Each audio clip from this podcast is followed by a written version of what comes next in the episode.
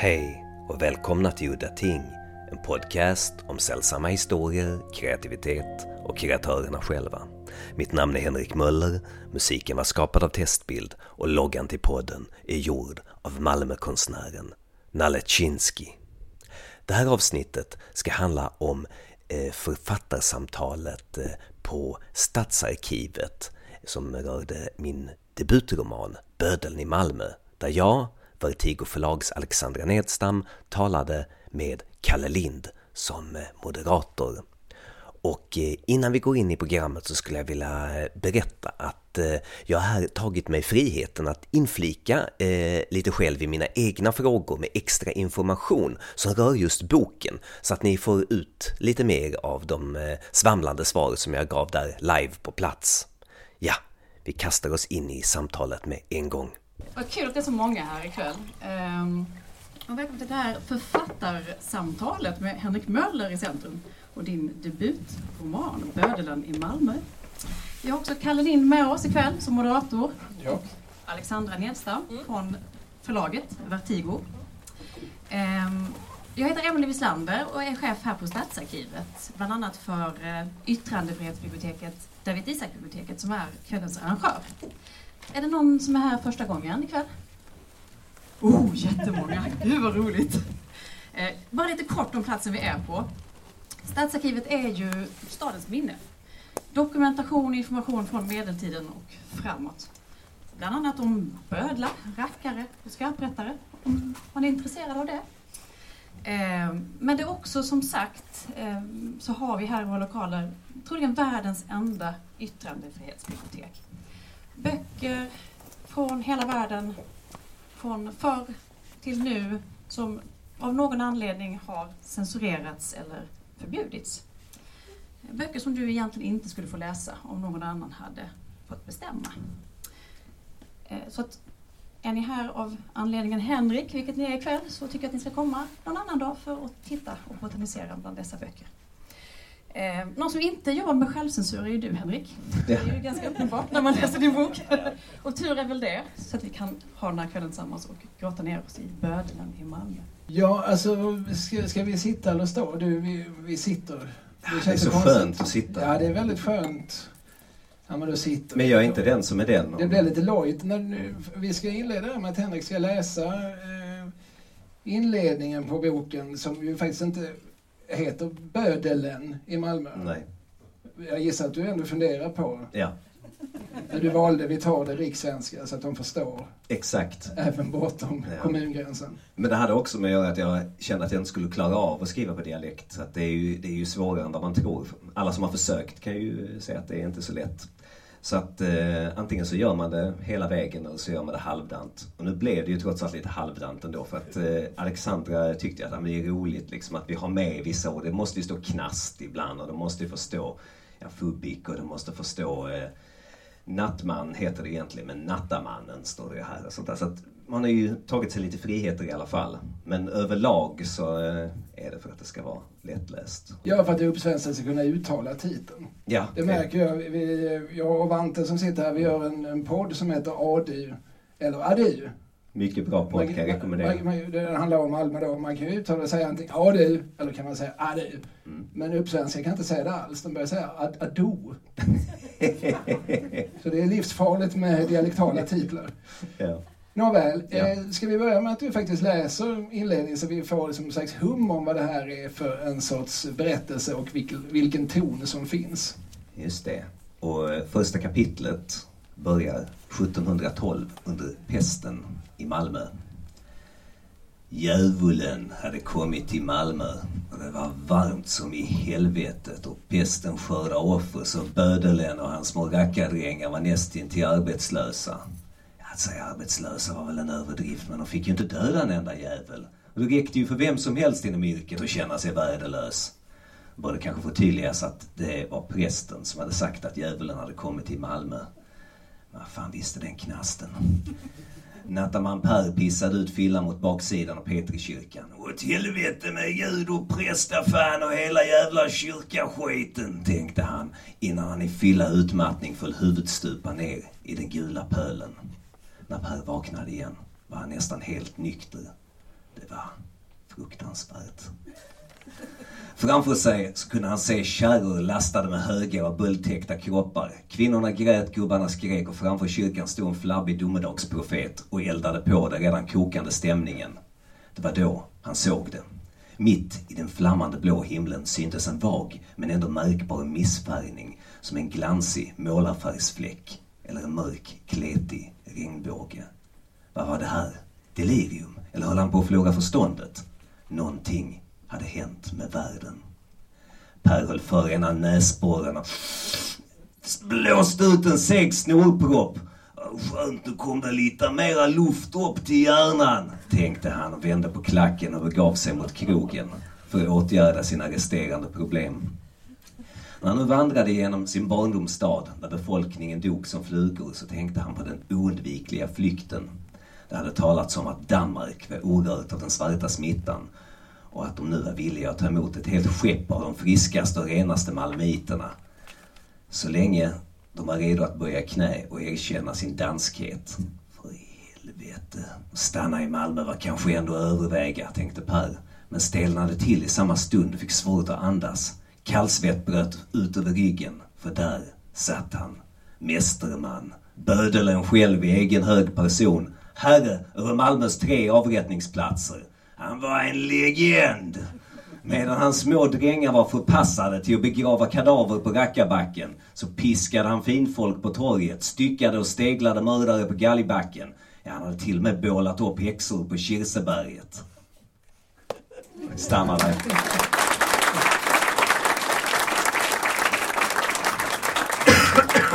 Ja, en lite mysig godnattsaga. Mm. Eh, finns den som ljudbok? Inte än. Eh, min förläggare Alexander är väldigt peppad på att vi ska göra det så att det, ja, men det låter ju trevligt.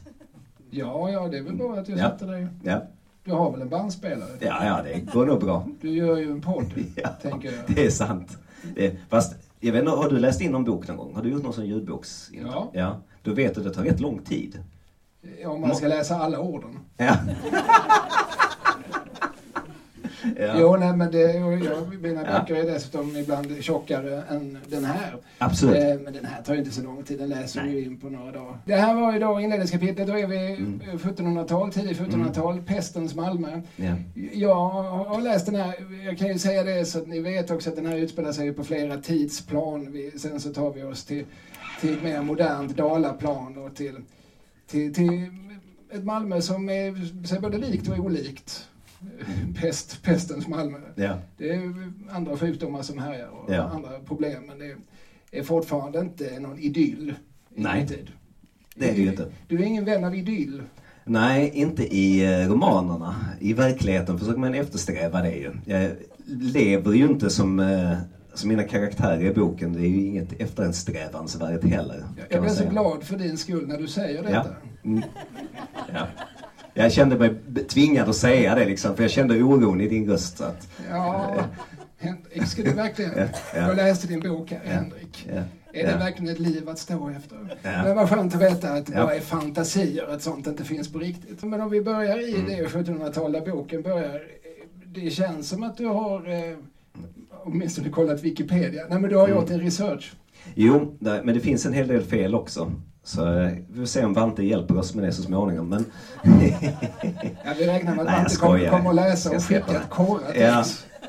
Jo, nej, men det jag började kolla upp det var ju att eh, inspirationen kom från att jag läste en bok av Annika Sandén som heter Bödlar på 1600-talet. En väldigt bra bok. Och så intervjuade jag henne i min podd. Då fanns det fortfarande en annan figur som var under bödeln som i Skåne kallades Nattamannen.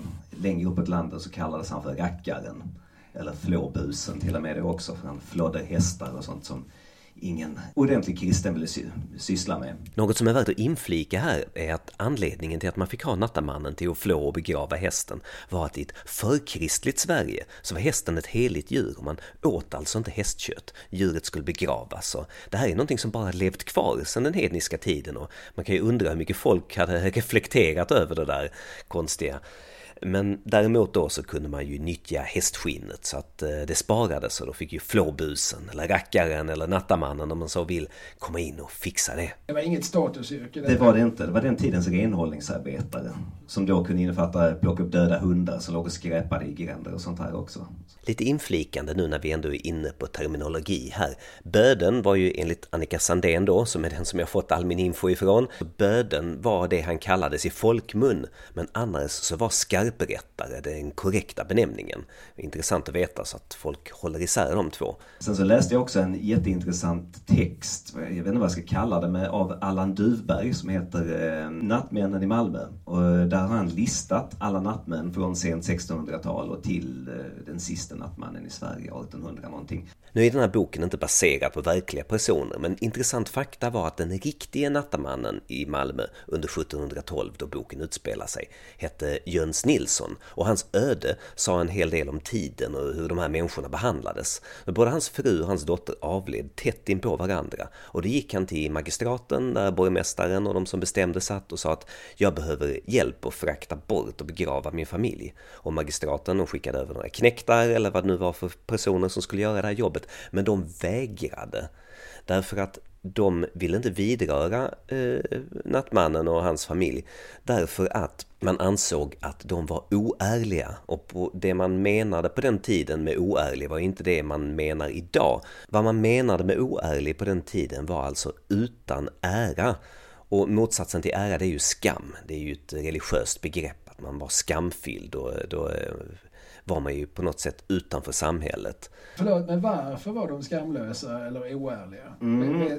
Förstod du det? Ja, ja alltså det, det, började väl med bödeln från början egentligen. Att eh, när liksom eh, Sverige blev en centralmakt och då skulle, ju, då skulle man ha avrättningar och någon måste komma in och göra det här skitjobbet. Men att döda var ju en synd, så att det fick man ju inte. Så då fick ju en brottsling som redan hade förlorat allt inför Gud. Då fick han komma in och bli en sorts benådningsbödel. Så på nåder fick han komma in och avrätta folk. Han fick välja mellan att dö eller att döda. Exakt. Och så länge han dödade och gjorde sitt jobb så fick han vara kvar. Och sen när han sköt sitt jobb dåligt fick någon ny brottsling komma in och hugga huvudet av sin företrädare och bli den nya bödelen.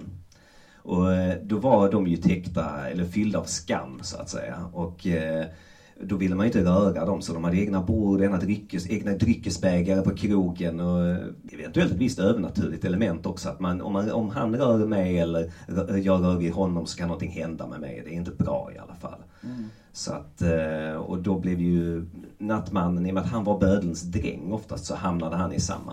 Och då blev det ju ingifte, de kunde inte hitta fruar någonstans och då fick ju de gifta sig med varandras barn och så vidare. Just det, så ingen ville ta i rackarens, dattamannens mm.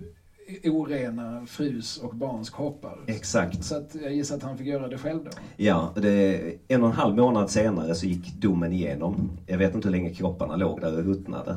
För att när domen väl var färdig så hade de fixat det själva. Men eh, beslutet blev i alla fall att eh, även om oärlighet inte anses som eh, alltså, ett, ett lagbrott så är det ju ändå tradition. Så det ska inte de här stackars människorna behöva befatta sig med. Det är klart de inte ska behöva röra vid de här äckliga människorna. Så de slapp. Ja. Ja, så det var tur att han tog hand om det, annars så hade de fått ligga där och ruttna. Vilken solskenshistoria. Eh, alltså, den här texten du läste, var det impulsen att skriva den här boken eller var... Eh, mm. Kan du på något vis minnas eller redogöra för var idén till Böden i Malmö kom. Mm. Strukturellt så skulle jag vilja nämna att boken är inspirerad av Clive Barkers debutroman The Damnation Game som jag läste som ung och det gjorde stort intryck på mig då. För den börjar ju under andra världskrigets slut i ett sönderbombat Polen där en karaktär som kallas Tjuven letar efter en känd kortspelare som han vill utmana i spel. Och alla som spelat mot denna kortspelare hittats döda i rännstenen och det hela antyds då att det här är en faustiansk historia där djävulen tar spelarnas själ i utbyte. Och första kapitlet slutar då på en cliffhanger och det knyts ihop eh, först i romanens senare del.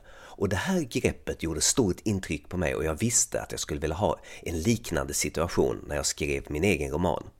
Och eh, sedan så är det ju öppningskapitlet. Det utspelar sig under 1712, pestens Malmö, vilket jag tyckte det passade bra för att sen ska vi hoppa 300 år in i nutid, mitt under covid-pandemin.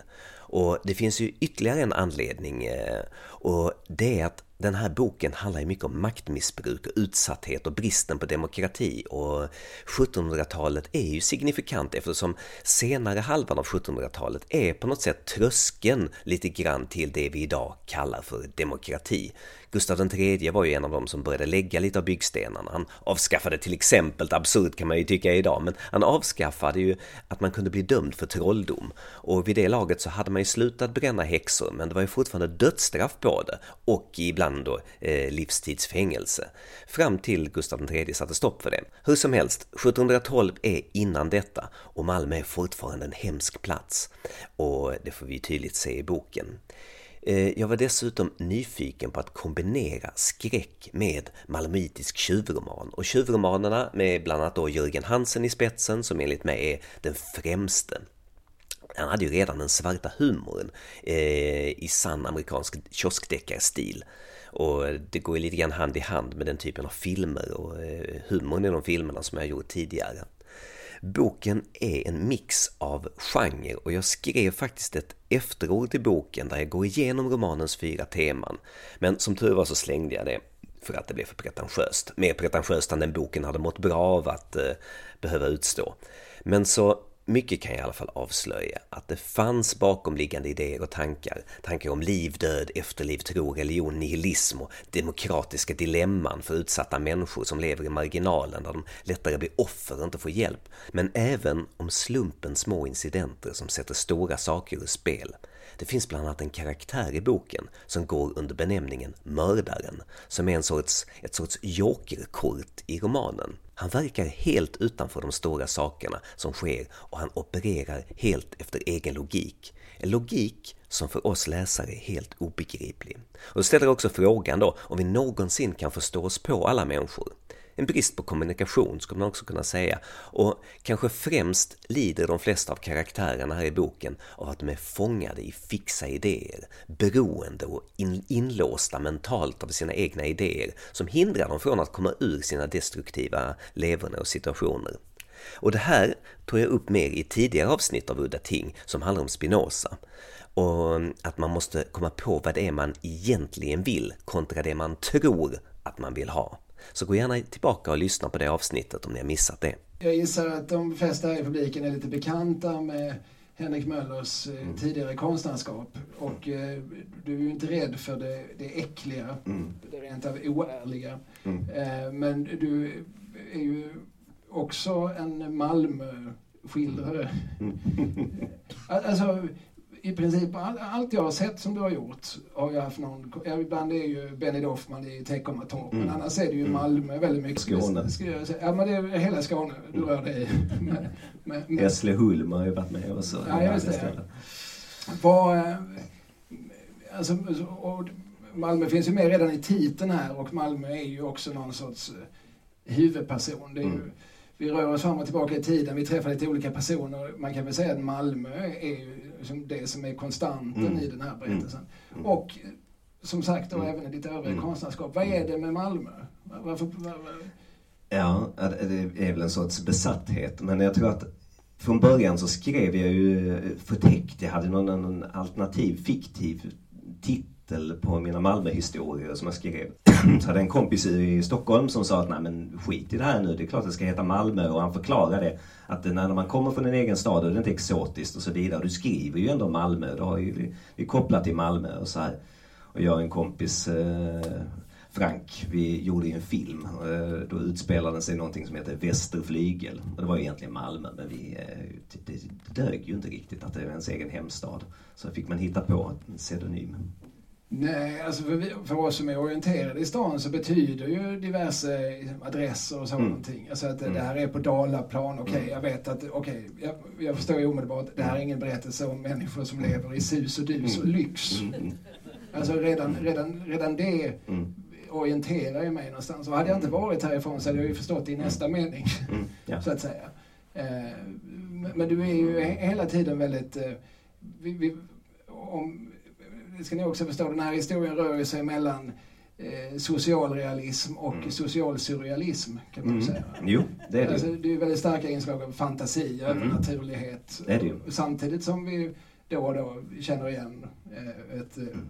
ett lite solkigt, mm. Eh, får vi väl säga, ja. Malmö. Precis, för det är ju en övernaturlig skräckroman. Det ska man ju göra tydligt för publiken så att eh, ingen blir besviken. Även om de här, som vi sa, de här tecknade filmerna i året har kraftiga surrealistiska eh, inslag. Så eh, det är lite samma sak egentligen. Det handlar om starka känslor, det handlar om saker som jag är rädd för när man skriver en skräckroman. Då är det ju saker som jag är rädd för som skrämmer mig och då kan man ju inte, då kan man inte göra liksom en Möllans Emmerdale ungefär. Jag satt och funderade på det liksom, att eh, det skulle kunna vara en sorts motsats. Hem till gården i Malmö liksom. Det, det, det mysiga liksom och bara visa. Det är, på allvar hade det varit intressant men jag är ju inte personen att göra det kanske inte om jag inte hade fått betalt för det i alla fall. Nej, och är det fortfarande Möllan du skulle placera den berättelsen på? Nej, det spelar ingen men mysigt på Möllan det hade väl kunnat vara. Det är väl gemytligt, det är dit alla flyttar, alla ungdomar och sånt där och har det mysigt. Det skulle man ju kunna skildra som en solskenshistoria ju. Lika väl som jag skildrade eh, smutsen och vrider upp liksom. Så är det väl, är det väl ett alternativ. Att göra den mysig. Hem till gården på Möllan. Absolut, men som sagt det är inte du som kommer att göra det. Nej, det är det ju inte. Men jag tänker att eh, nu när vi ändå är inne på ämnet.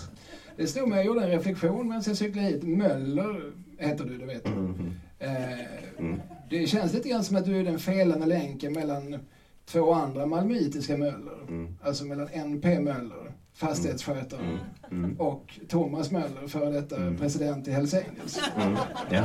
Att du står precis, mm. du är bron me mellan det folkliga, men fortfarande ganska solkiga 70-talsmöllan ja. och det ännu solkigare kriminella 90-talsmöllan. Jag tänkte så här, vi, vi, har ju, det, är ju ett förlag som heter Vertigo förlag ja. som har gett ut den här boken. Och eh, jag tänkte att vi ska välkomna upp till stolen bredvid dig din förläggare. Alexandra Nedstam, vill du komma upp? Yes.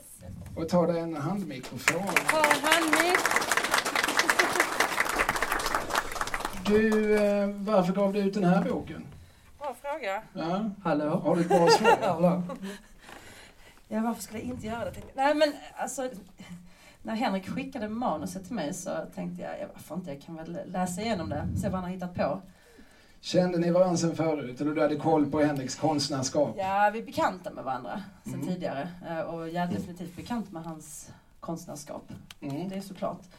Uh, nej men, när jag började läsa så tog det inte, det tog inte många minuter förrän jag började höra Henriks röst. Den klassiska Henrik Möller-rösten som vi alla känner till. Oh, Malmö, radio. Och det, det, blev så himla påtagligt. Jag tänkte, men jag kan ju inte vara den enda som ska sitta och läsa den här texten. Fler måste ju få lov att uppleva Möller i sitt eget huvud. Um, så det, det, det kändes så solklart. Um, och framförallt också för att Vertigo sysslar ju väldigt mycket med litteratur lite på gränsen. Säger du det? Ehm, och, och dessutom Jag vet inte om ni har sett t-shirtarna som Alexandra säljer här ute, men jag tar min hand ifrån dem vill jag säga. Är, jag har ingenting med detta att göra. Det, jag vill understryka det här.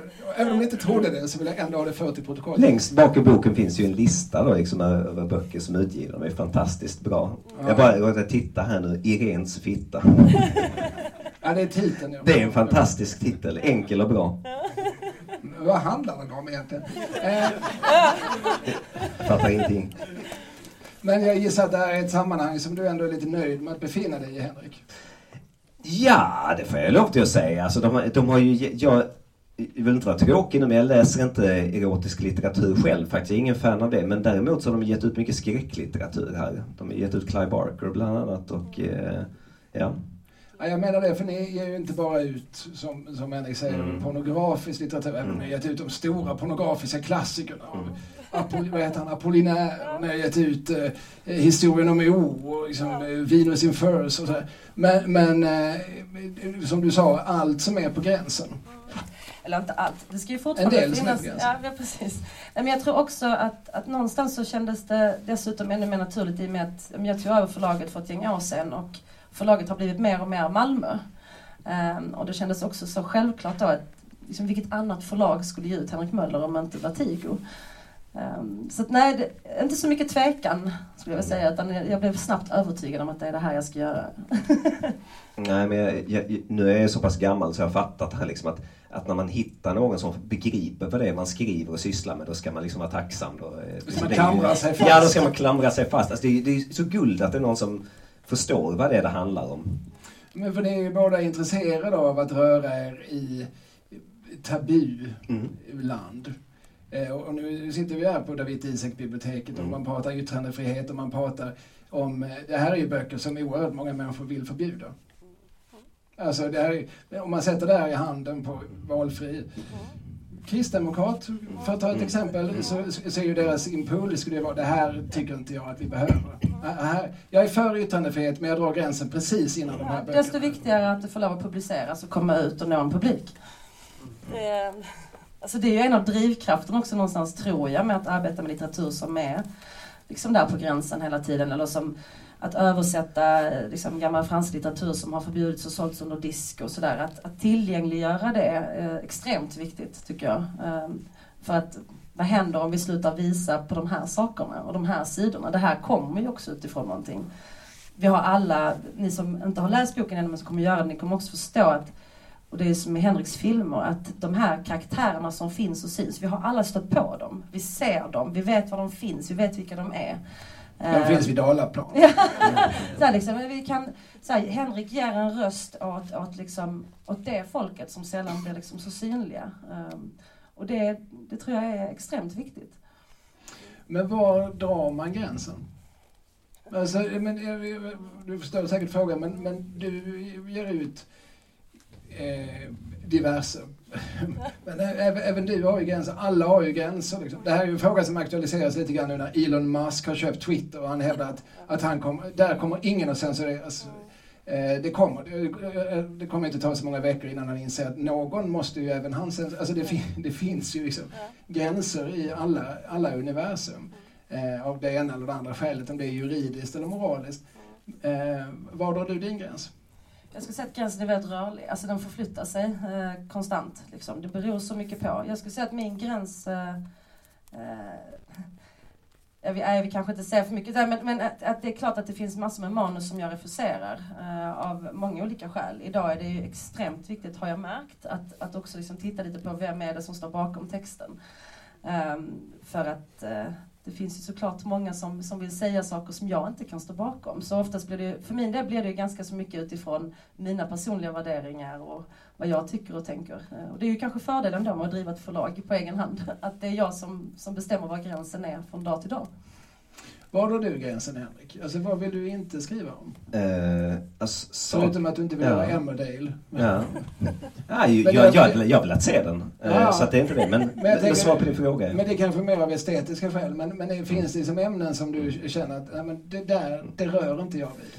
Ja, det finns det säkert. Just nu kan jag inte komma på det. Men eh, jag tror att det är viktigt att komma ihåg att jag skriver ju fiktion. Jag tror att eh, där är den stora, det är den kampen jag har haft hela tiden. Men det här är ju faktiskt fiktion. Och eh, någonstans är det en skräckroman och oftast mina filmer också har ett skräckroman. Det, det, element är ju inte ett förhärligande av dekadens och våld. Om jag skulle tillägga någonting till den här diskussionen om gränsdragning är detta att om jag hade skrivit eller gjort film för barn, i synnerhet små barn, så är det ju väldigt viktigt att väga innehållet på guldvåg eftersom i tidig ålder så är det man möter på i väldigt hög grad fostrande och formande. Men för vuxna människor, så över 18 år, som har gått i skolan och fått en viss bildning och lärt sig att reflektera, göra egna informerade beslut baserat på legitim legitim vetenskap så ska det egentligen inte behöva finnas några restriktioner. Alltså i synnerhet inte för, som jag nämnde innan, fiktionen, alltså när det gäller fiktion. Alltså jag tror den här oförståelsen inför fiktion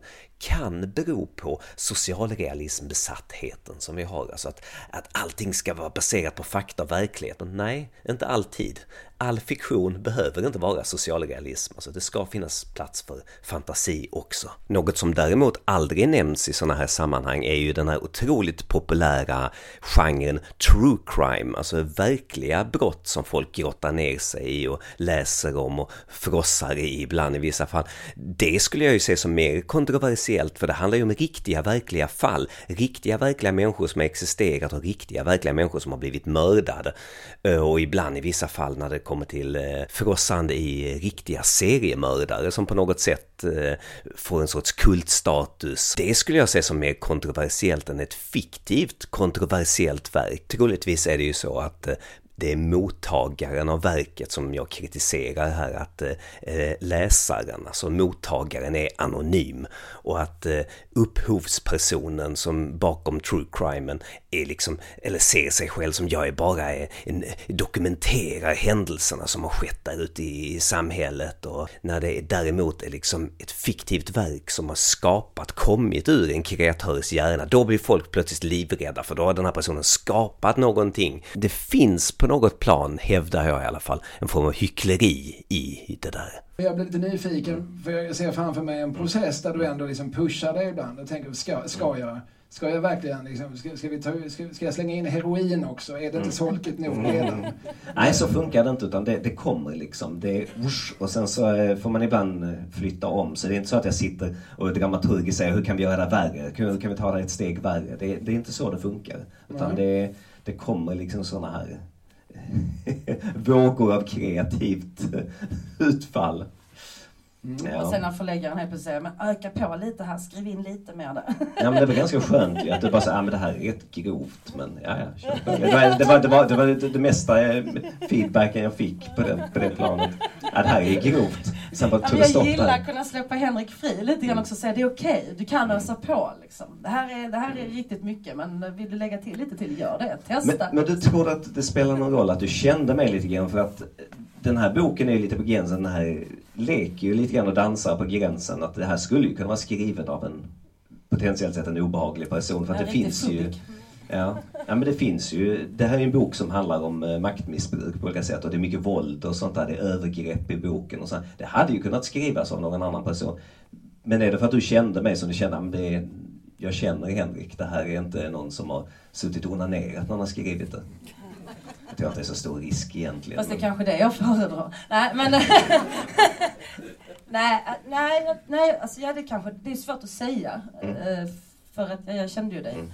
Men jag skulle säga att eh, jag tror nog att om jag hade fått in den här texten så spontant eh, så hade jag nog eh, gjort som jag brukar göra. Rekat, kollat lite vem är personen bakom mm. texten.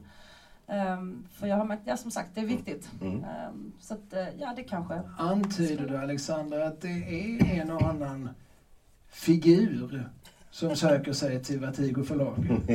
Det är många figurer som söker sig till Vertigo förlag, det är det. Mm. Men, men man har ingen garanti, alltså om man lyssnar på R. Kellys låtar, de är väl inte så obehagliga. Nej, men jag tänker ibland, det känns det nästan säkrare att ge ut det här manuskriptet här. Eller, eller som Anton Magnusson som jag känner en smula som ju går under aliaset Mr Cool och så. Det är ju en av de absolut liksom, timidaste människor jag har träffat. R. Kelly skriver slager. Han, honom skulle jag mycket mindre gärna låta passa mina barn. Och det är väl det som är det viktiga i slutändan att bara för att man skriver om någonting eller konsumerar någon form av litteratur så skulle man inte vara den personen. Det är ju den eviga frågan om moral och etik. Vi kan inte hålla på och agera i affekt på konst längre. Vi måste kunna reflektera över varför blir jag provocerad av detta? Och är det verkligen befogat? Och är det det här jag ska lägga min energi på och bli förbannad på ett jävla konstverk? Sedan är det ju självklart att gör man ett barnförbjudet eller allmänt kontroversiellt verk så ska man inte heller förvänta sig att kunna visa det i det offentliga rummet, till exempel mitt i Folkets Parks lekplats bland minderåriga. Men eh, med detta sagt så ska det få lov att finnas rum för all konst. Folk ska kunna välja vad de vill titta på och skapa så länge det inte är någon snuff movie såklart. Liksom fiktion är fiktion. Det är ju en återkommande grej också det där. Ja, ja. Alltså det, vi har ju upplevt det liksom med videovåld, eh, rollspel, datorspel. Alltså allt det här, det, det är så här återkommande. Det känns som det alltid kommer vara en pågående dialog kring det. Eh, för att vi har så olika syn på saker, olika gränser, eh, olika uppfattning. Och rädslor framförallt, som då skapar den här oron. Mm. Har, har du märkt av någon sorts moralpanik? Eller någon Boken är så ny så att eh, det har inte kommit några recensioner än. Vi får väl se när, när det väl dyker upp. Den släpptes ju nu den 21 så att det är ju väldigt nytt. Absolut, men då pratar vi om Bödelen i Malmö. Men ni har ju båda, båda många år bakom er av olika former av provokativ produktion. Mm. Eh, har, har ni någonsin känt eh, ett drev, alltså med skuggan av ett drev Det handlar väl om att eh, jag är inte tillräckligt känd. Det är väl lite... Man måste komma till en viss Cool var nivå. inte heller så känd innan brevet kom. Sen Nej. blev han jättekänd. Ja. Jag vet inte hur det funkade men jag kan dra ett exempel för att han tryckte upp en t-shirt som där det stod Sis King på och sen så gav han den, ingen brydde sig när han hade den på Instagram men han gav den till Simon Gärdenfors som satte på sig den och hade den på sin Instagram. Då tog det hus i helvete. Därför då, han hade en annan följarskara, det var en annan nivå. Det är väl också då folk pallar bry sig också kan jag tänka mig. Om det är en helt okänd människa som håller på med skit i han. Så är det ju lite grann. Folk, det, det finns någon, någon riktigt eh, äckligt liksom i det där att eh, man, man, man måste bry sig, det måste göra skada, det måste liksom vara någon mening med den. Men ni har aldrig, Alexandra funderat på att skicka den här boken till Elaine Eksvärd? Alltså Vertigo har ju genom eh, åren skickat ut lite böcker då och då till folk som man tycker behöver läsa någonting annat. Så att eh, jag vill, inte, jag vill inte avslöja, jag hoppas att det kanske kommer lite reaktioner. Den har hamnat eh, i brevlådan hos lite diverse folk. Vi får se. Men, nej. diverse folk. Nej, men Utan, det- utan att nämna några namn. Vad är Ja, det? nej, är det men någon det- som det- sitter i riksdagen? politiker som Det låter jättespännande, jag vet behöver ingenting. någonting. Men det är också det här att, att eh, jag har ju svårt att tro till exempel att eh, det kommer komma liksom väldigt mycket recensioner norr om Skåne. Eh, Också för att det är ju verkligen så här, ger man sig in i det här och dessutom har Malmö i titeln eh, så blir det med en gång lite, lite smalare fönster för, eh, för att liksom få någon vettig litteraturkritik. Ja, jag hör vad du säger. Samtidigt så ska du kanske inte vara så kategorisk. För att jag tänker, nej men jag menar, alltså, om vi tar det som exempel Stig Larsson då, han skriver om Stockholm. Det är ju som, på en internationell marknad är ju Stockholm oerhört perifert. Men, men, men just för att det var exotiskt så blev det ju faktiskt en internationell bästsäljare. Eh, och på samma vis kan ju Malmö fungera. Eh, jag blev lite nyfiken. Ni beskriver det här som en svensk Southern Gothic. Mm. Eh, det är en genre som man pratar om. Vad Mm. utmärker liksom Southern Gothic? Förutom att är i, i Den, den, om man tänker den gotiska traditionen som börjar med Edgar Allan Poe då, men så finns det en, i, eh, en gotisk eh, American South. True Detective har inslag av Southern Gothic. Eller. Mm. Den sista färden kanske, den klassiska Ja. Deliverance. Mm. Det är som fyra storstadsgossar ger sig ut på kanotfärd och sen träffar människor som spelar banjo och våldtar dem. Ja. Platser, platser där liksom lag och ordning inte gäller längre. Och En del av det, nu kanske jag ska nämna det, för en del av det kommer lite grann från min barndom. Jag har lånat lite grann. Den här ska utspela sig i nutid. Men samtidigt så är den ju lite omodern för jag har ju hämtat från, från 80-talet ju. Och någonting som kanske inte skulle hända idag är som den här lilla pojken skulle bli, förhoppningsvis, antar jag, bli omhändertagen av SOS mycket snabbare än vad han hade blivit på 80-talet. Dömer du ut din egen roman som orealistisk nu? Ja, det gör jag. Men det är ju en orealistisk roman på det sättet att det är, det är ju en, en skräckroman. Alltså. Ja, ja, för jag skulle säga just Så- det är inte det mest det är- orealistiska. Nej, det är det nog inte. Det är det absolut inte. Men eh, sen är det också det här att eh, så, som, som eh, berörde mig illa. Det var det här liksom att eh, barn som torterade djur till döds och sånt där. Det finns ju med lite grann. Det nämns i förbifarten i boken. Eh, och då förstod man ju att eh, i efterhand, i alla fall när man blev äldre, att det här, de här barnen mådde inte så bra hemma. Det var någonting som var allvarligt fel i hemmet. Du växte upp i. Nydala. Mm. Ja. Men, och, sådana här figurer som du ofta återkommer Mm. till, en sorts outsider Mm. som, Mm. som är lite skrämmande i sin Mm. uppenbarelse. sådär. Är, är det saker du har hämtat från uppväxtåren? Jag kan tänka mig att det är må många som har var de än uppväxt, att det fanns så konstiga gubbar som eh, var konstiga och sen så kanske de begick något hemskt brott plötsligt och förstod man att de här var inte så psykiskt friska. Och var hem där det var ibland många barn som sprang runt. Sju, åtta, elva barn i vissa fall. Jävla liv i lägenheterna och det var ja, social misär helt enkelt. Men även om man inte var alltid hemma hos dem och kände dem så lekte de ju på gårdarna när man liksom var och sånt här. Så att man träffade ju på alla de här figurerna, visste vilka de var och hörde historierna. Även om man inte var med när de dödade de här kattungarna och sånt här. Som Du har ju varit, eh, får man väl säga, maniskt produktiv i... De säger det, jag tycker inte det. Jag tycker det går fruktansvärt dåligt. Jag är ju knäckt. Hade jag haft mer tid, hade jag haft 100% ledig tid så hade ni fått se. Ja, kanske hade blivit sämre då. Urvattnat. Ja, risken finns ju. Ja. Men, men, eh, nej, jag menar, men då får vi också ta in det att du, Mm. har, du har väl haft ett heltidsjobb under större Mm. delen av din karriär. Mm. Och du debuterar, säg någon gång i mitten av 90-talet. Du Mm. firar ju liksom 30-årsjubileum som Mm. skapande konstnär om Mm. inte så många år. Eh, och fortfarande så kommer du med ganska hög regelbundenhet, kommer ju något ur din penna eller ur din mun. Har du liksom pratat med terapeuten? Mm. Vad är det som driver dig? Ja, du frågade sist också. Jag hade inget svar på det. Ja, just Men, det. Eh, säga, vi har pratat förut, förlåt. Vi för- på inkomst för rätt många år sedan nu. Mm. Du, visade film den gången. Mm. Ja, alltså det, sånt här saker går väl inte att göra någonting åt. Det att, att, man, att man skapar. Det går Det- inte det- att låta bli. Det går inte att låta bli helt enkelt. Jag menar det, det, det känns så dåligt. Man vill inte prata om så här en sorts själv, eh, självmedicinering. Men det är väl en ganska sund självmedicinering jämfört med vad man kan med- medicinera sig med i annat fall. Vad Vissa Absolut. sysslar med. Nej, är Så- Vi är många som är tacksamma för att du själv medicinerar dig så. Mm. Men jag blir, man blir ändå nyfiken. Jag Mm. gör också en massa saker. Alltså, Mm. det, och, eh, för att alternativet att inte göra det är mycket tråkigare. Mm. Men jag undrar mer om det liksom är någonting du har reflekterat över. Så Sätter du upp, Mm. nu- för nu antyder du också att du, att du tycker att du gör för lite. Mm. Sätter du upp mål? Innan årets slut så ska jag ha levererat så här mycket. Mm, nej. Nej. Utan det, jag jobbar på många saker samtidigt och sen ibland så tar det stopp någonstans och så hoppar man till något annat. Det blir ju någonting gjort till slut. Som sagt, du gör podden Udda Ting Mm. Som, eh, som jag ju lyssnar på med, med stor Mm. behållning där du pratar om udda ting. Mm. Därav titeln, eller? Ja, absolut. Det var ju en eh, butik i Göteborg som hette det. Så jag tyckte på det, Andra Långgatan? Ja, exakt. Så att, eh, det var, tyckte det var en fantastiskt bra titel så att jag lånade det. Det var också ett bra namn på den butiken. Mm. Ja, ja, ja, det var det jag menade. Nej men det var väldigt, alltså, både i fallet din Ja. podd och butiken så håller rubrikerna vad de lovar. Ja, jo men det, det gör de väl.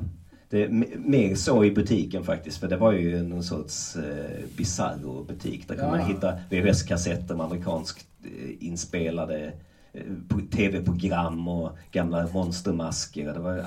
allt Ja, man hittar mer porr än vad Alexander har gett ut. Var det så? Jag hittar ingen porr där, men det kanske för att jag inte Ja, letade. Kalle var före. Ja, just det. Jag var där dagen innan. Vet du. Någon var där och köpte upp den i alla fall, för det var ingen när jag var där. Ja, Ja, nej. det var, ja, då pratar jag kanske inte om liksom, tummade FIB Aktuellt utan Mm. konstig, konstiga grejer. Okej. Udda ting. Mm. Ja. Ja. Eh, men nu har ni igen redan svarat på detta. För jag, Mm. innan, innan samtalet så tänkte jag fråga dig Alexander om det var du som tog initiativet att, att eh, Henrik, är det inte dags att du också börjar liksom, arbeta i romanform? Men så var det inte riktigt. Nej, jag skickade den till dig. Mm. Och då var den redan Ja, färdig. det var det. Du, du skrev den på späck, Exakt. som vi säger i branschen, alltså på spekulation. Ja, ja, ja, absolut. Att jag, jag fick en idé och sen så satte jag igång. Mm. Tog du tiden? Hur lång tid tog det? Det, tog väl två år, men jag skrev ju lite då och då när det fanns tid. Det, var, det kom ju perioder när man inte har tid och ork och eh, inspirationen dör för att eh, man är för utarbetad.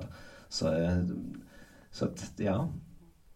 Men det är en ganska kort bok också. Det är ju 130 sidor knappt. Så att, det, Jag har sett tjockare. Ja, jo. Jag har kanske inte läst tjockare, men jag har sett tjockare. Ja, ja.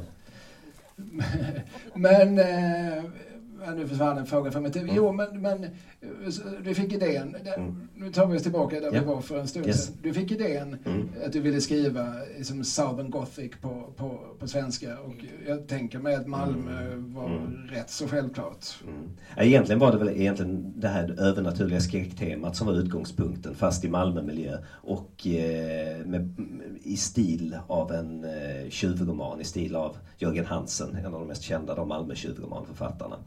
Eh, han, skriver ju, han skrev ju i sig lite mer som Chandler, så första persons narrativ och det är ju inte det här, det är ju inte ett första persons narrativ utan eh, Det betyder att man har en berättare. Ja, precis. En- Exakt. En jag-form. Jag-form, exakt. Ja. Nej, så, att, eh, så det, var, det var väl det. Och det andra var att jag har ju jobbat lite grann med eh, struktur och dramaturgi. Jag var dramaturg på Sonett Film under ett tag gjort adaptations, jag vet inte vad det heter på svenska, när man eh, konverterar böcker till filmmanus. Kanske adaptioner? Adaptioner, ja. Kanske det heter. G. Hansten Jörgensen som gjorde Det nya landet. Eh, och, så jag har experimenterat med lite så här och pluggat filmmanus i Göteborg och sådär. Så jag har varit fascinerad, nördigt fascinerad av struktur och sånt. Värt att nämna är en recension som jag fick på Bödeln när personen i fråga besvärades av ojämnheten i romanen att det fanns partier som var uppslukande, välskrivna, spännande och läskiga som sedan förstördes av partier av infantilt dravel som det hette. Texten byggdes upp och förstördes och byggdes upp igen, skrev recensenten. Det här var precis min poäng. Hade jag skrivit en bok som bara var det ena eller det andra så hade det inte fått den effekten jag var ute efter. Effekten att överrumplas, att aldrig veta när det ska komma. Och för mig skapade detta en dynamik det höga med det låga och för mig har det höga samma värde som det låga och enligt mig tycker jag att de kan samspela med varandra. Om man vill skapa något nytt så måste man ta de här riskerna och man kan inte heller censurera innehållet. Varit fascinerad, nördigt fascinerad av struktur och sånt där manus. Så eh, det som jag gillar är oftast när det finns ett mysterium som kommer in i en film eller en bok eller sånt här. Vid sidan av den traditionella strukturen. Liksom, vad fan är detta här? Detta måste jag få reda på innan det är slut. Och så här. Det är liksom en, en stark drivkraft för mig. Så jag tänkte om jag skriver en bok då ska det, det vara motorn i boken. Ja, och det kan jag verkligen säga att den är. Den är en så kallad page-turner. Eh, man, man vill veta vad som händer. Och, och, jag, menar, jag är inte lika fascinerad som ni av äckel så att det, det är också vill jag verkligen veta? Ja men jag, jag, jag mm. så, så, att den, den fungerar. Mm. Eh, även för oss lite prydare. Ja, ja men det, det är väl du, du, Vad sa du? Skönt att höra. Du får inte börja ifrågasätta min prydhet. Nej. Vi pratade om hållhakar innan Kalle. Ja, nej, men jag, jag, är inte alls så tuff som, jag kan, som somliga tror. Eh, ja, är det så att ni som sitter i publiken har frågor så är ni välkomna att ställa dem. Ja, så kan jag gå runt med mikrofonen. Och det är gammal dröm, va? Ja. Att, att få vara... Är det vanligt någon? Kommer det bli en film då, eftersom du gillar film? Det är inte av mig hoppas jag. Om du läser boken så är den nog lite svår att filmatisera. Det skulle kosta en hel del att göra. Den är dyr att göra som spelfilm, men du har jobbat i andra genrer. Ja. Ja, som tecknad film. Men det finns ju teman, Henrik, som du återkommer till, namn mm. och platser mm. och sådär. Uttalar man det radu eller? Radu. Så Med skånska, radu. Ja, ja. Är, är det ditt begrepp eller är det hämtat från någon? Nej, det är påhittat.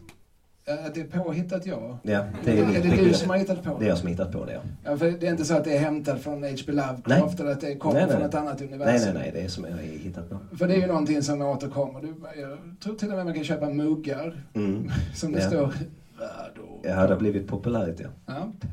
Eh, ja men, så att jag menar, du, ja. du har ju byggt upp ett universum som, mm. som du någonstans återkommer mm. till liksom, i filmer och så, som hänvisningar till varandra och så. Mm. Det gissar jag att du har gjort medvetet.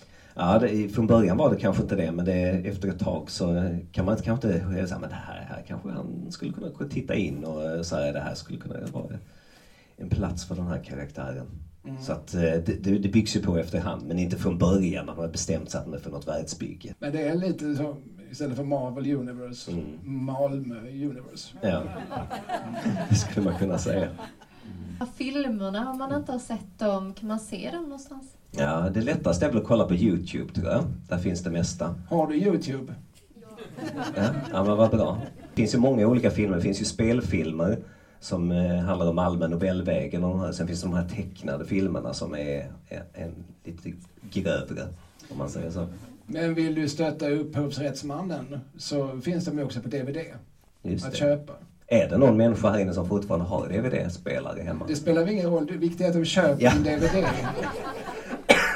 Jag försökte, förlåt, jag försökte bidra till din ekonomi här. Ja, det var jättebra. Du var väldigt snabb att hugga. Nej, köp inte. Ja, du, du ser ju, därför det har gått så dåligt hela tiden. Jag förstår, jag förstår varför. Ja. Det är fortfarande en nollbudgetfilm. Vilka av dem? Jag skulle nog inte rekommendera att du blandar det hemma. Don't try this at home kids. Ja, ja, den kan du ju testa. Men jag tror inte du ska ta det här polska diskmedlet och det här. Jag tror du ska inte testa det. Var förekommer groggarna? Ja, det är en film som heter Malmös bästa groggblandare. Där det är en verklig person, Osten, på den här t-shirten då. Han eh, är ju Malmös bästa groggblandare och han blandar i en eh, grogg som är då en version av Tequila Slammer. Fast med eh, propplösare och Tymek. Och Tymek är då ett polskt diskmedel. Ja. Jag ska inte gå in och spoila mer nu, ni får titta på det. Den filmen tror jag heter Lök i nacken. Det är baserat på det här gamla begreppet när någon hade rakat sig i nacken så här liksom. Då skulle man slå någon i nacken så hårt som möjligt. Och det var en lök. En lök, ja.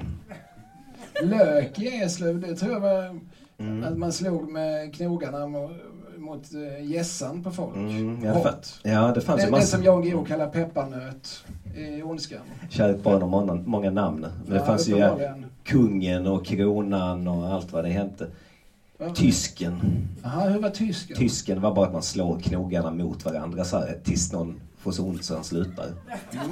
Många sådana här trevliga penalismgrejer som sysslades med i skolorna, i grundskolorna. Ja, jägare hade vi. Man gjorde en jägarhälsning. Då slog man någon väldigt hårt i ryggen. Det var inte så otroligt fyndigt. Men, Nej.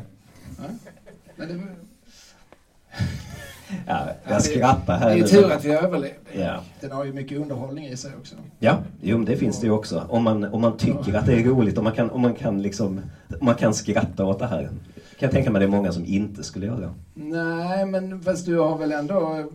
Alltså när vi var på inkomst för, då, för några år sedan och du visade dina filmer, det var ju kö långt ut på Bergsgatan. Du har ju dina fans, du har ju människor som, som eh, förstår din humor av allt att döma. Känns som att det finns ett behov att skratta åt sånt här kanske. Alexandra skratt, skrattar ju gott hela tiden. Mm. Till exempel, där har du ett fan. Ja.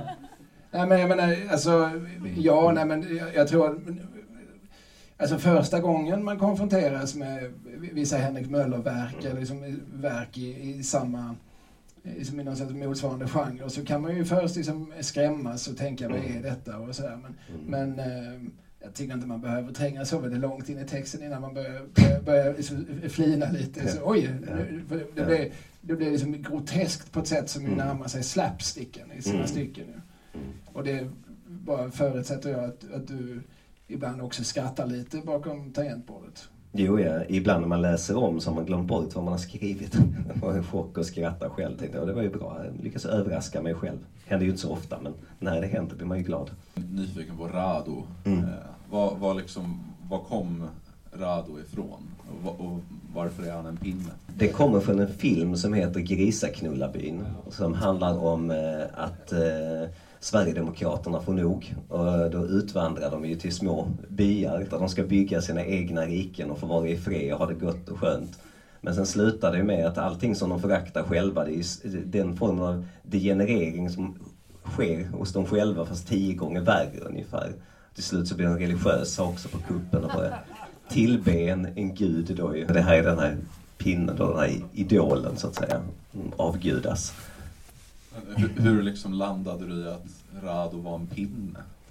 Nej, alltså det, det skulle ju vara en sorts dildo som skulle föras upp i anus också ju. Det var det var ju det det var till för. Om man ser den här filmen så förstår man ju vad det handlar om. Så idiotiskt. Och Rado var ju också det dummaste namn jag kunde komma på. Så det ska vara så fullständigt hjärndött.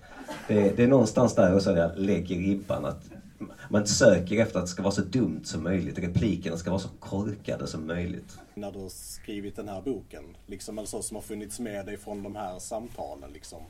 inte specifikt som någon har pratat om, men det är från många, mycket av den litteraturen jag läst har inspirerats av. Lite kort så fanns det en amerikansk författare som heter Michael Shea som hade en grej. Istället för eh, i Lovecrafts historia när de ser någonting fasansfullt så blir de galna och sinnessjuka. Men i hans böcker så upplever de en sorts mörkt mirakel. De blir, de blir religiösa, de blir troende när de ser detta. Och det tyckte jag var så fascinerande grej. Men det är då en sak som, som du lite grann har liksom plockat upp Mm. ur hans författarskap.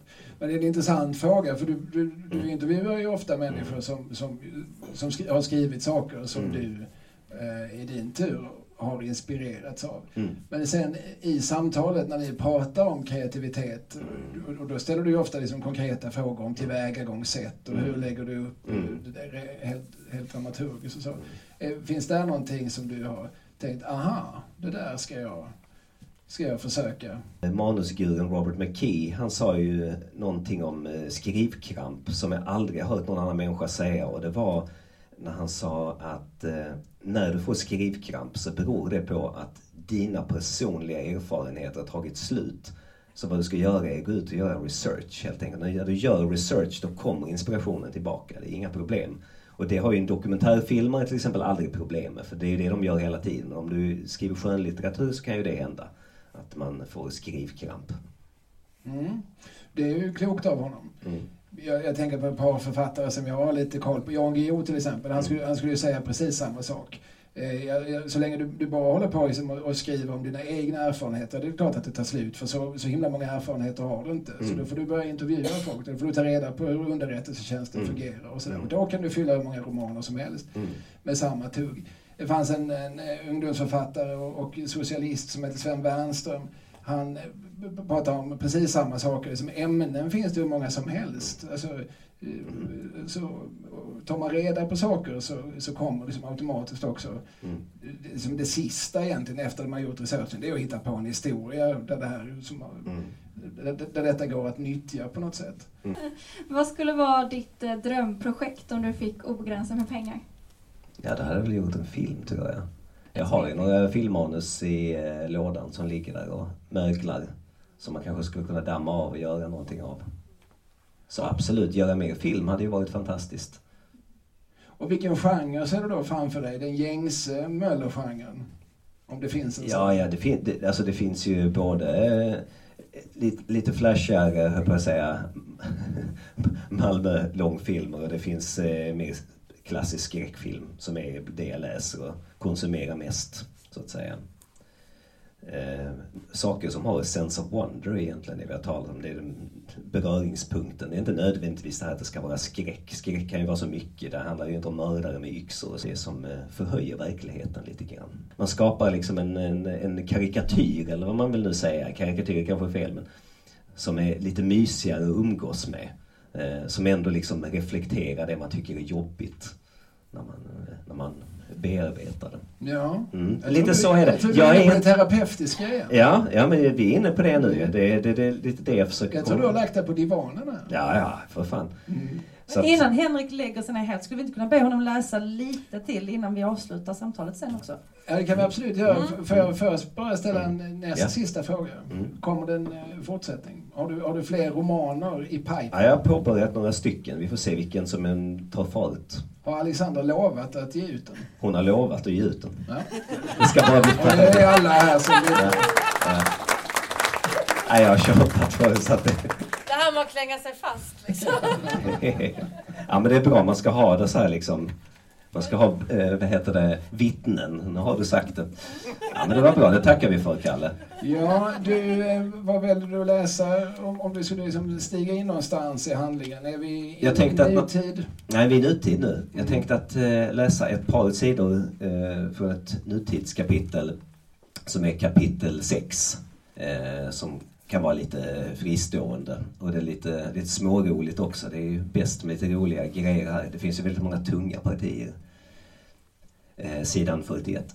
Skylten med texten Rados tempel var nästan lika sliten som fasaden på Norra Gränges. Och lukten av brända bildäck och avgaser gjorde att få ägnade stället tillräckligt många sekunder för att ifrågasätta dess existens. Ingen brydde sig och det passade Jörgen Speed bra. Han hette egentligen Nilsson i efternamn men hans gamla tjackisnamn hade hängt kvar och Jörgen han hade inte haft vett att dölja det. Han var en man som sket i det mesta och hade straffat sig hårt. In och ut från rättspsyk hade han åkt och hans rykte var så nedsmutsat att Rados tempel var sista chansen till ett betalt arbete.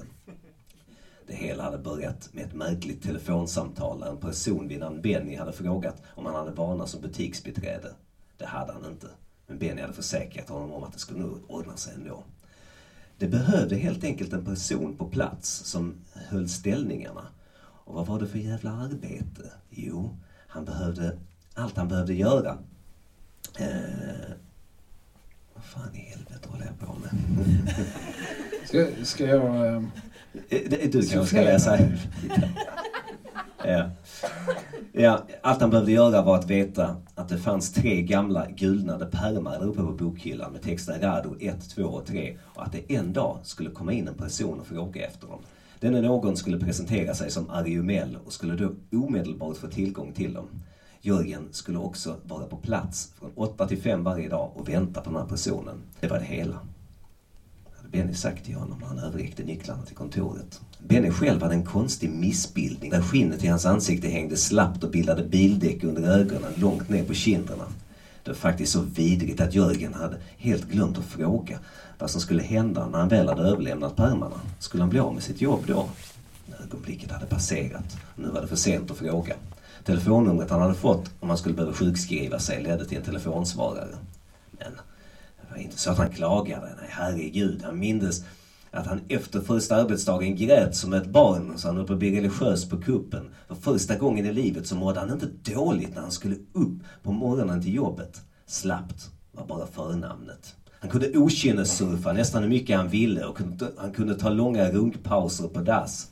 Ingen chef som gnällde. Ibland så lekte han med tanken att stanna hemma från jobbet utan att sjukanmäla sig. Bara för att se om någon skulle bry sig. Det hela kändes för bra för att vara sant. Och det var det. Han visste ingenting. Nej, han hade inte den blekaste aning om vad som väntade honom. Men idag skulle priset betalas. Det kom aldrig några kunder till kontoret. Men idag skulle Jörgen Speed få äran att träffa fyra på samma dag. Den första bokstavligen föll in så dörren slungades upp på vid gavel. Där stod han nu med förvildade livrädda ögon och flåsade. Han var klädd i svart med prästkrage, vilket gjorde Jörgen obekväm. Efter att ha gjort några vändor i tolvstegsprogrammet utan att bli troende hade han byggt upp en fobi mot religiösa auktoriteter.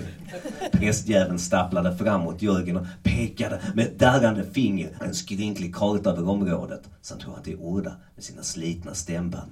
Jag bor här. Här på Dalaplan bor jag.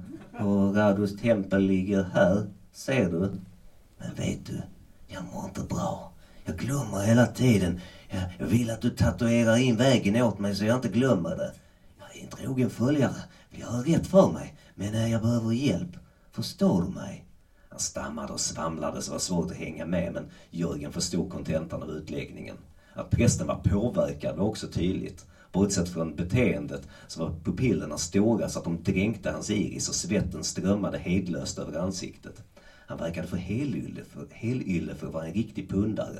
Så, Jör, så Jörgens gissning var att han helt enkelt hade blivit felmedicinerad eller tagit för mycket under någon manisk period. Prästen slängde upp ett slitet tatueringskit på skrivbordet. Inga förstklassiga grejer, men det skulle säkert gå att jobba med. Jörgen hade koll. Han hade försökt försörja sig på att gadda svart för några år sedan, tills han förstörde ryggen. Det var helt enkelt inte lukrativt att sitta krökt på för höga stolar och gadda utslagna pundare på soffor. Men hur fan visste prästen att han kunde gadda? En obehaglig rysning, likt en nykläckt kokong av spindlar, kröp över ryggen på honom. Okej, eh, tatuering, men längre hann han inte förrän prästen öppnade sin smutsiga hand och visade upp fem stora bruna kristaller. Kom igen. Lite i näsan, sen kör vi. I ett par sekunder stod Jörgen helt stum. Vad fan sa prästjäveln? Var det här dolda kameran? Ett test? Skulle chefen hoppa fram och ge honom sparken? Men den skarpa lukten av riktigt bra tjack tog snabbt över och snart så drog de girigt linor över träskivan på skrivbordet. Vilket drömjobb! Från att slappa och kolla på YouTube till att snorta tjack. Så snart gaddningen var klar skulle han slänga ut prästjäveln och låsa in sig på dass för utdragna njutningar resten av dagen. Ju förr han satte igång desto snabbare skulle det vara överstökat. Så han öppnade eh, upp tatueringskittet. Batteriet var fulladdat och bläcket i flaskan var flytande. Det var allt som krävdes. Då drog prästen en fet lina till och började hyperventilera. För ett ögonblick, ögonblick så stod han där och studsade på tå som en spattig tupp innan han föll, fram, framle, föll framlänges pladask över skrivbordet som en nedskjuten mås. Jörgen tog pulsen och konstaterade att prästen levde. Jävla veckling, tänkte han och slickade av det tjackkladdiga kreditkortet. Det snurrade på ordentligt och Jörgen fick tunnelseende. Utan en tanke på att prästen skulle kunna se kartan började han tatuera honom i nacken. Trots att Jörgen var hög som ett hus blev det snabbt klart för honom att gaddningen såg ut som skit. Ingen jävel kunde se att det var en karta och ännu färre skulle kunna följa den. Ja, lika bra att den satt i nacken. Prästen kunde ju bara skaffa sig en hockeyfrissa så skulle allt vara löst. Om prästen nu var sån amatörtjackis så skulle nog allt snart vara glömt ändå. Men först måste han ut härifrån. Jörgen slet upp prästen på fötter och gav honom några snabba lavetter. Okej, allt klart. Nu är det dags att dra vidare. Ah, ah, vart ska jag gå? Gå hem och lägg dig för fan, så. Ja, det var det. En av de lite mer uppmuntra delarna av boken. Det var ett av de roliga kapitlen. Ja, det var det. En av de roliga kapitlen. Men- När man läser då har man Henrik Möller-rösten. När man intervjuar, då, blir intervjuad, då pratar man helt vanligt. Ja. Ja. Men det är liksom för att få in den här stämningen som man har i filmerna. Liksom, att det ska Ah. vara det här. Ja. Det är, ja, det är, det är det som är skådespelare och lite olika röster och sånt där. Jag tyckte det kunde passa. Jag förstår Mm, principen. Så är det. Ja, det var bara så påtagligt. Ja. Men det handlade mycket om det, det ska jag säga, för att eh, när jag gjorde de allra första filmerna, konceptet var ju att ta barn-tv eh, från när vi var små. Då pratade de också med sådana här löjliga röster. Vad ska man göra nu då? Vad, vad säger du lille Åke? Jag tänkte om man gjorde det här med en rätt obehaglig röst. Han tryglade i micken och sa obehagliga snuskiga grejer. Det slog över i tänkte jag, då har man någonting här. Det är ju aldrig någon som har gjort förut, tänkte jag. Och det blev ju en sån sån metagrej som jag själv alltid har gillat. När man tittar på ett verk så finns det ju på ytan någonting men sen så när man tänker på fan den här människan som gjorde det här en obehaglig människa. Det verkar ju obehagligt på riktigt. Det ger en extra dimension. Och det tror jag liksom omedvetet har levt kvar och kultiverats. Liksom, om, alltså omedvetet. Det var medvetet då, på tidigt, mitten av 90-talet. Men inte nu längre.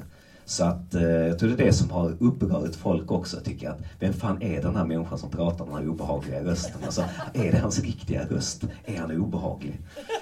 Det är ju bra för dig också att kunna vara anonym på det sättet. Ja. Att folk inte känner igen dig på rösten. Jag som har gjort Ja, ganska, rösten. mycket, ganska mycket radio jag hör rätt ofta. Jag känner igen dig på rösten. Så att jag, jag försöker ofta vara tyst. Lyck, lyckas inte så bra. Så jag lägger till.